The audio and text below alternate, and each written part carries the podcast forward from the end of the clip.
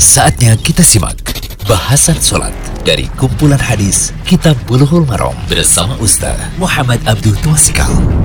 Alhamdulillah, salatu wassalamu ala rasulillah wa ala alihi wa sahbihi Kali ini kita berada di audio ke-23 dari kitab Bulughul Maram, kitab sholat, masih tentang azan. Azan Bilal.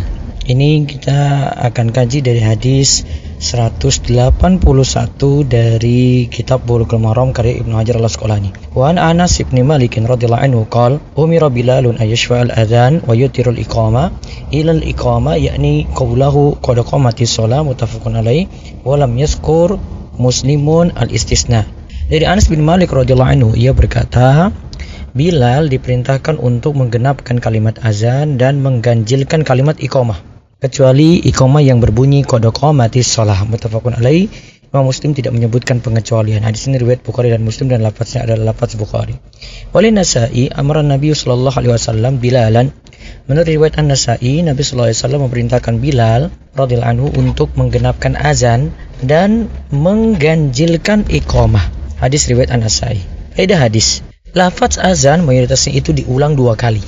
Lafaz azan ya mayoritasnya diulang dua kali kecuali kalau kita lihat di ucapan takbir itu empat kali kemudian la ilaha illallah terakhir itu satu kali.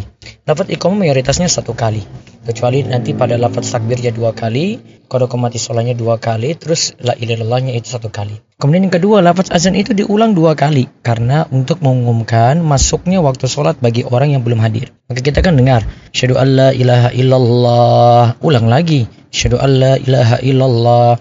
Adapun iqamah itu adalah panggilan untuk jamaah yang sudah di masjid sehingga lafaz tersebut kecepatan pertengahan tidak diulangi kecuali pada bacaan takbir dan kodoko mati sholat. Semoga jadi ilmu yang bermanfaat.